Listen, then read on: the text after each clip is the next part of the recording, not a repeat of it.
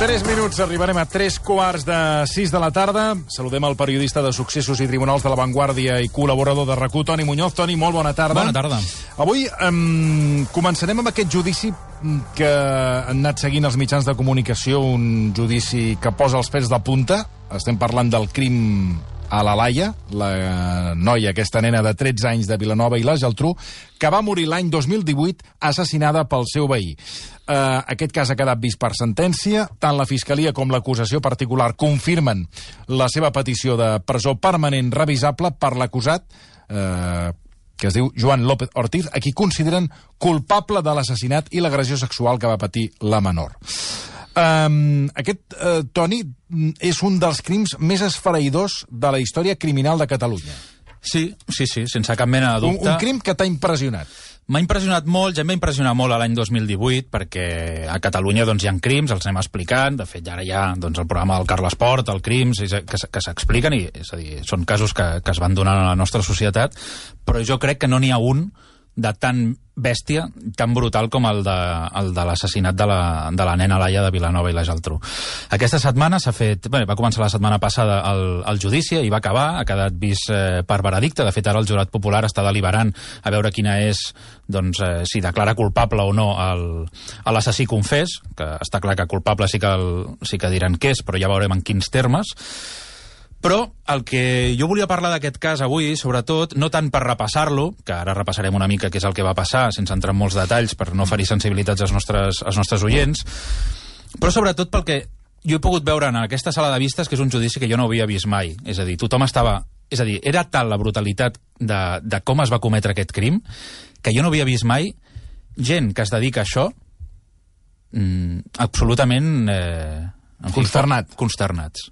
Des de la pròpia fiscal del cas fins a la, als propis auxiliars del jurat, allà, és a dir, quan hi ha un judici, no, doncs hi ha unes persones que són les que, doncs, les que posen bé el micro, les que ensenyen les pàgines de, de la investigació i del sumari doncs, a, a les persones, és a dir, gent que eh, auxilien i que assisteixen a, a, perquè tot vagi bé en aquest judici. No? Doncs són gent que es dediquen a això, és a dir, en els jurats, bàsicament són crims i després un altre tipus de tipologia, però sobretot crims.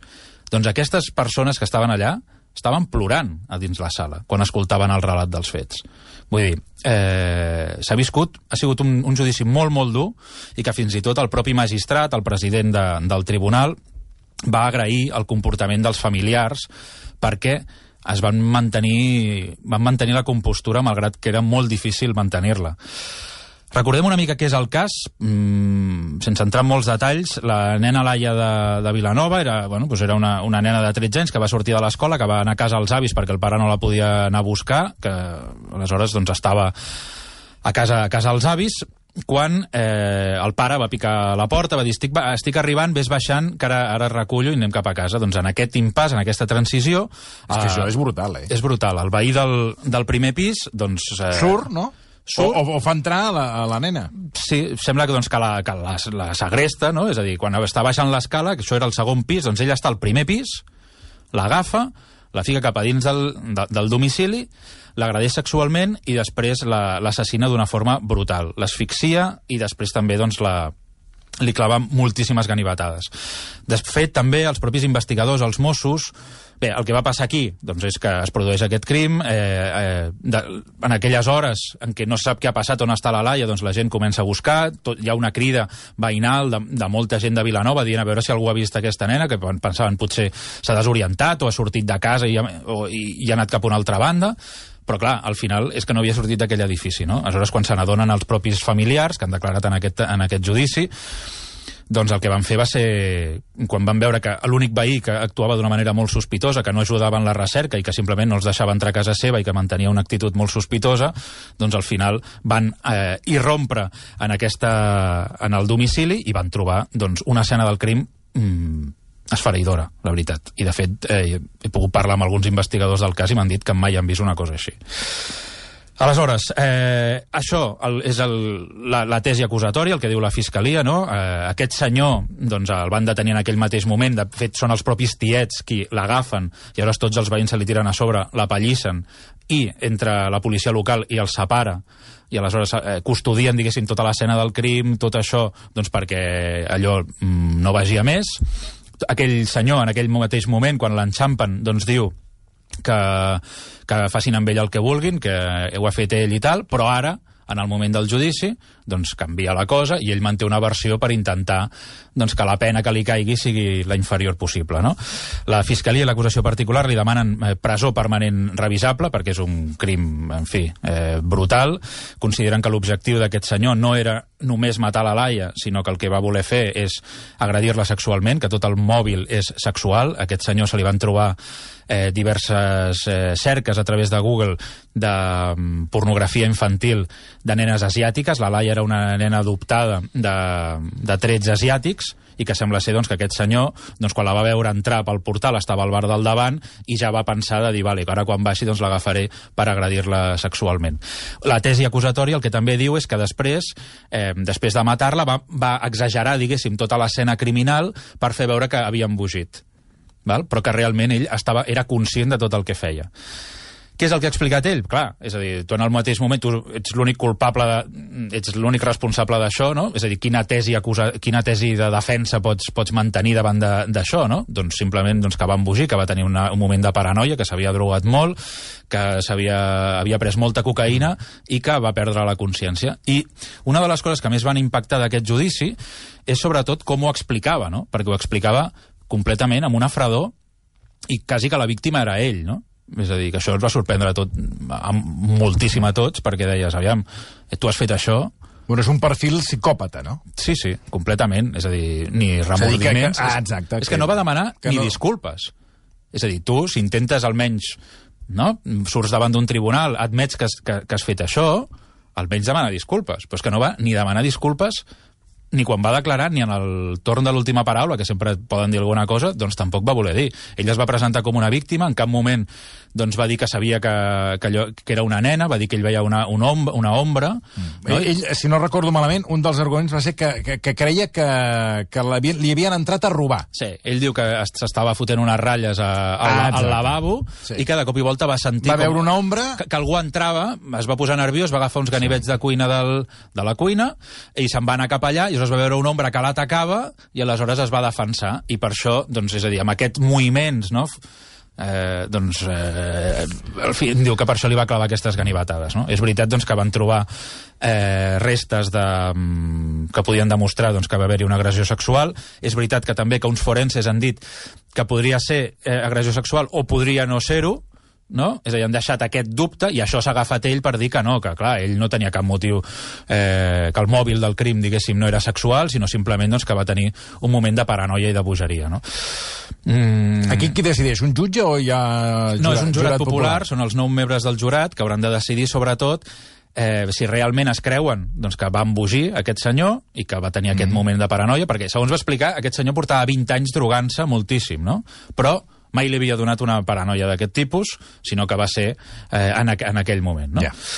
Eh, sí, això és el que, això és el sí, que va sí. explicar. No? Eh, també va explicar doncs, que en aquell moment mm, s'estava morint la seva mare. De fet, aquell dia eh, la, la desconnectaven d'una màquina i que per això això va fer doncs, que ell tingués més ganes de drogar-se més i tal, que era la persona de que que depenia emocionalment d'ella, i aquí va, va estar bé el, el president del tribunal que li va dir, bueno, ja, per dependre, perquè es mori algú de qui depens emocionalment no cal matar a ningú, no? Vull dir que, en fi, era un, un relat una mica enrabassat, eh, difícil de creure, sincerament, i veurem ara què és el que decideix el Tribunal Popular. Des d'ahir que estan tancats, diguéssim, per, deliberant, en funció de si es dilata molt més els dies o no, doncs semblarà que ho tenen més clar o menys. Però vaja, en principi, aquí ja sabem qui és el culpable, no? ell mateix ho admet, però s'ha de saber si realment aquesta mm. donen per bo que van embogir o no. Els, els psiquiatres van dir que no, eh? que era completament conscient del que feia. Doncs ara a l'espera del que decideixi aquest jurat sí. popular. Escolta, a la xarxa ens han recordat molt el cas del Pablo Escobar Suec. He vist que hi havia molt d'interès que ens el comentessis eh, i jo anava pensant, no, no patiu, que el dijous amb el Toni Muñoz ho parlarem. Eh, és el Jonas Falk, de qui fa uns dies ens explicaves eh, bueno, fantàsticament aquí la història de, de, de qui és i, que, i què presumptament hauria liderat la xarxa de tràfic de cocaïna més gran del, del, del nord d'Europa. Fins i tot vam, vam parlar amb tu, Toni, de, de fer una sèrie, perquè ens va ser sí. fascinat. Ha estat condemnat finalment eh, per l'Audiència Nacional a dos anys i mig de presó per blanqueig de, de diners. Una condemna molt inferior als 20 anys que demanava la Fiscalia. I, no sé, ara em faig dir, o no ho he llegit, que pel temps que ja va estar a la presó, mm, tot apunta, mm. eh, segons arguments fins i tot teus, que és possible que no entrin a la presó, perquè ja els ha complert aquests dos anys. Clar, el, el Jonas Falk, recordem, és el que eh, vam denominar com a Pablo Escobar Sí, sí, per tant, a... se'n va una mica de rosites. Bueno, al final, diguéssim, la, la pena doncs, ha sigut molt inferior del que s'enfrontava. Clar, la Fiscalia li demanava 20 anys de presó per un delicte de blanqueig de capitals i delictes fiscals perquè eh, es considerava doncs, que havia invertit tota una sèrie de diners que provenien del narcotràfic en diverses, diversos negocis a Catalunya. Entre ells, la discoteca Patxà de, de Barcelona, mm -hmm eh, un restaurant eh, que es diu Rivelo a Palma de Mallorca i després que es va comprar una mansió de 2,5 milions d'euros a Sitges. Val? Aleshores de- deien, aquests diners els vas fer per blanquejar els diners del narcotràfic. L'escull principal que tenia aquesta causa és que a Suècia, on sí que el van detenir en una superoperació eh, mundial per, per detenir-lo, al final doncs, el van poder jutjar, el van condemnar primer a 18 anys de presó perquè sí que el van considerar com el gran líder del narcotràfic, però després, en la segona instància, el van absoldre. Per tant, ja no podien penjar-li l'etiqueta de que era un narcotraficant. Però tot i això, aquí doncs ara se l'ha jutjat perquè deien, no, no, és que tots aquells diners sí que provenien del narcotràfic, narcotràfic.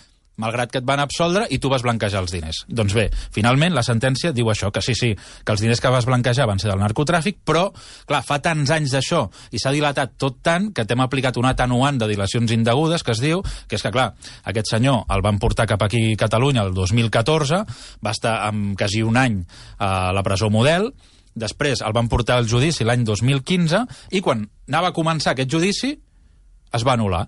Es va anul·lar perquè van dir que totes les proves i tot el procediment s'havia obtingut de manera irregular. Van tornar a començar la investigació de nou, fins que ara, aquest passat mes de gener, va començar el judici, va durar tres mesos, i ara hi ha hagut la sentència. I aquesta sentència què diu? Doncs sí, eh, va blan vostè va blanquejar els diners del narcotràfic, però fa tant de temps que ho va fer tot això que, clar, ara li hem d'imposar una pena de dos anys i mig. A part, ara hem de veure si realment aquesta pena com que ja va estar un any a la presó, doncs ja se li computa dins d'aquesta pena i potser no ha ni, ni d'entrar-hi. Per tant, haurem de continuar seguint les La història- les pistes al Jonas Falk, no? El Pablo Sí. Escobar suec, Sí. perquè no quedarà... A veure, no suposo que no, no retirarà Sitges i... Bueno, no sé, vull dir que... No, també s'ha de dir que té una, altra, té una altra causa pendent. Ah, calla. sí, un cas que es diu cas eh, Beau- Operació Beautiful. Aquest sempre té unes, unes, unes operacions Sempre bastant... té, sempre té altres casos. Ah, sí. i, i aquest... Eh, Aquest el van detenir per formar part també d'una xarxa de narcotràfic que van desmantellar a la zona d'Alacant, al País Valencià, i van detenir 80 persones també en una superoperació de la Policia Nacional contra el tràfic de drogues i ell també el van detenir. També és veritat doncs, que va passar a mans del jutge i el van deixar en llibertat. Veus? Vull dir Sempre, que sempre, que sempre, té un- sempre té escapatòria. Sí, Aquí sempre el... diu que se l'està prejutjant i que, El Jonas Falk. i que no té, que no té res a veure. té una entrevista aquest home, eh? Bé, jo vaig, vaig parlar vaig parlar amb ell, bueno, sí, vaig, ho dema- sé. vaig demanar amb ell una entrevista, em van dir que estaven en ple judici, doncs no podia Ara, ara te la, te la dona ara. Sí, potser sí, I, però em va Home. dir que, que, bueno, que ell que no té res a veure amb tot això, que ja l'havien absolt de narcotràfic Per i això, que... que parlaràs amb un dinamitzador... Com el fill del Pujol, dinamitzador econòmic. Exacte. No, No, eh, que el- de, de, res, de, de, de, de 20 milions de pessetes te pot fer 800. És el que fa ell? Ara. Eh, Sí, és, sí. és el que, de, que fa Jonas Falk? Mira, de fet, Sí, l'han sí. condemnat per això, perquè no va saber demostrar prou d'on treia els diners, no? Perquè, vale, vostè diu que no el treia del narcotràfic. En què invertia els diners? Diu, no, jo invertia en unes mines a l'Àfrica d'or i de cobalt. I van dir, bueno, molt bé, però no li coneixem cap, eh, cap feina coneguda, a vostè. Saps com pot ser que es compri una mansió de 2,5 milions d'euros, no? Que a part no era, no, era, no era seva, sinó que la va posar a nom de la seva tieta. Que la seva tieta també té una història bastant curiosa i és que durant el judici van fer servir de dir no, eh, aquesta senyora es veu que havia sigut una cantant famosa als anys 80 a Suècia Val? I, de fet, aquí els advocats bueno, van començar a dir que no, que clar, que aquesta senyora tenia diners perquè havia fet una carrera musical d'èxit, no? Vaig trucar a Suècia, no? vaig parlar amb alguns periodistes suecs i m'ha dit, no, aquesta senyora no la, no la coneix ningú. No la coneix, no la coneix ningú. Això és boníssim. Enveges. Això és boníssim. No, no, no sabem, no sabem qui és. Escolta, abans de que marxis, um, parlem d'un altre judici, també relacionat en aquest cas amb un crim, entre veïns, m'ha cridat l'atenció això, Sí. perquè és entre veïns. Un matrimoni del barri de Baró de, de Vier, si no tinc mal entès. De Viver, Baró de Viver. Bé, sí, perdó. Barcelona, sí. Sí, perquè estava, fa, faltava una B baixa aquí, dic, a veure... Uh, ha estat declarat culpable de matar un veí amb qui estaven enemistats. Oh. Li van disparar tres trets a sang freda. Oh. Sí, sí, no, no, aquest cas també va ser molt sonat, va tenir lloc el 22 de desembre de l'any Clar, això, 2018. aquesta història entre veïns m'ha interessat perquè a vegades... Eh, eh, Què vols dir? Què vols dir? bueno, que tens mals pensaments. I ara, eh? Yo te recomiendo una venganza, que es que cuando estén durmiendo pongas a todo volumen Camilo Sexto. Se acaban los problemas con los vecinos. Com, com va anar això? Perquè, clar, per arribar a passar dels mals pensaments a executar el mal pensament... Doncs mira, aquí el, el, el que va passar és que hi havia, hi havia un noi que és la víctima, que es deia Edu Colmena, que era un, una persona doncs, molt estimada dins del barri de Baró de Viver. Allà conviuen diverses famílies, diversos clans, que alguns a vegades no tenen no tenen una bona relació i de fet hi havia un clan bastant, que estava bastant enemistat amb la resta del barri, que era bastant perillós, eh, que es deien el, el clan de los pistoles, el nom fa la cosa, ja diríem. No? I el que va passar és que a, sembla ser doncs, a l'Edu, que, era, que era la víctima, que era el coordinador de l'equip de lluita lliure, de, de lluita grecorromana, perdona, del barri de Baró de Viver, Mm. era l'única persona que s'atrevia a, a plantar-los i cara. És a dir, es veu que aquesta gent, doncs, eh, en fi, no es portaven gaire bé allà amb el barri, insultaven, agredien, Ja m'estàs fent, una, fent amenaçaven. una... Dic, ja m'estàs fent una fotografia que posa't ell al mig. Mm. I aleshores, justament, eh, el que va passar és que, en fi, van tenir una bronca el dia abans, aquest, la víctima va anar als Mossos d'Esquadra a dir aquesta persona m'ha amenaçat, de fet, va fer amb el, li va fer un gest així com de, amb una pistola amb el dit, com Sí, dient... sí, com a les pel·lícules. Et, et dispararé, eh, la víctima va anar als Mossos d'Esquadra a demanar protecció per dir que que m'ha dit m'ha amenaçat amb, amb matar-me i justament eh, l'endemà eh, a la nit, aquest eh, l'Edu es veu que sempre sobre les 10 de la nit passejava els gossos per aquella plaça doncs aquest senyor i la seva dona van baixar la dona li va donar eh, una pistola amb el seu marit i li va dir, mata-lo. I aquest senyor, quan es va acostar cap a la víctima, i li va disparar tres Jesús. trets a sang freda. Al tòrax però i al això cap. m'estàs parlant d'aquí, de... O sigui... De Barcelona, sí, sí. No, no, és que clar, és que m'ho expliques que sembla, sembla un passatge d'una sèrie. Sí, sí. Clar, aquí el... és així de fred i és el que de, No, determina... no, per això, per això t'ho dic. El, el jurat popular. Ah, també hi ha jurat popular aquí. Sí, sí, clar, tot el que són assassinats, homicidis, eh, tot és Jurat popular. jurat popular. I res, en dos dies van decidir, eh, van tenir Bueno, molt clar doncs, que, era, que era culpable. Eh, tant ell com la seva dona. Els hi han, els hi han I- i- aplicat i- un assassinat amb traïdoria. Perquè la Fiscalia demanava 27 anys de presó. Mm. amb, uh, la pregunta és, finalment, sabem quants anys... eh, Ara, ara, un cop tenen aquest veredicte, no? és el jurat ha decidit si eren culpables o innocents, que, que està, han determinat doncs, que eren culpables i tot apunta que serà assassinat amb traïdoria, perquè la víctima no es va poder defensar Home. i el van atacar de manera sorpresiva, doncs... Eh, Però la dona se sap per què li va dir al marit mata-lo? Bueno, perquè també, Ah, també perquè- era de la mateixa família i estaven en amistats amb aquesta, amb aquesta persona. Però clar, aquí el que va dir ell, que va fer unes declaracions en què va plorar i tot, eh, l'assassí, clar, aquesta persona deia, no, és que jo jo simplement vaig baixar perquè hi havia, hi havia un, un supermercat d'aquests a 24 hores allà a la plaça i era a les 10 de la nit, eh, quan va passar això. Diu, no, i vaig baixar a comprar-li una pizza a la meva filla que tenia gana i aleshores em vaig trobar a, a l'Edu i que va venir corrent cap a mi, corrent cap a mi i, i, i jo, i aleshores li va dir i la fiscal li va dir, diu, bueno, però vostè va baixar a comprar una pizza amb una pistola al cinturó i el senyor va dir, bueno, eh, sí, és que sempre em porto perquè a vegades tinc por i tal.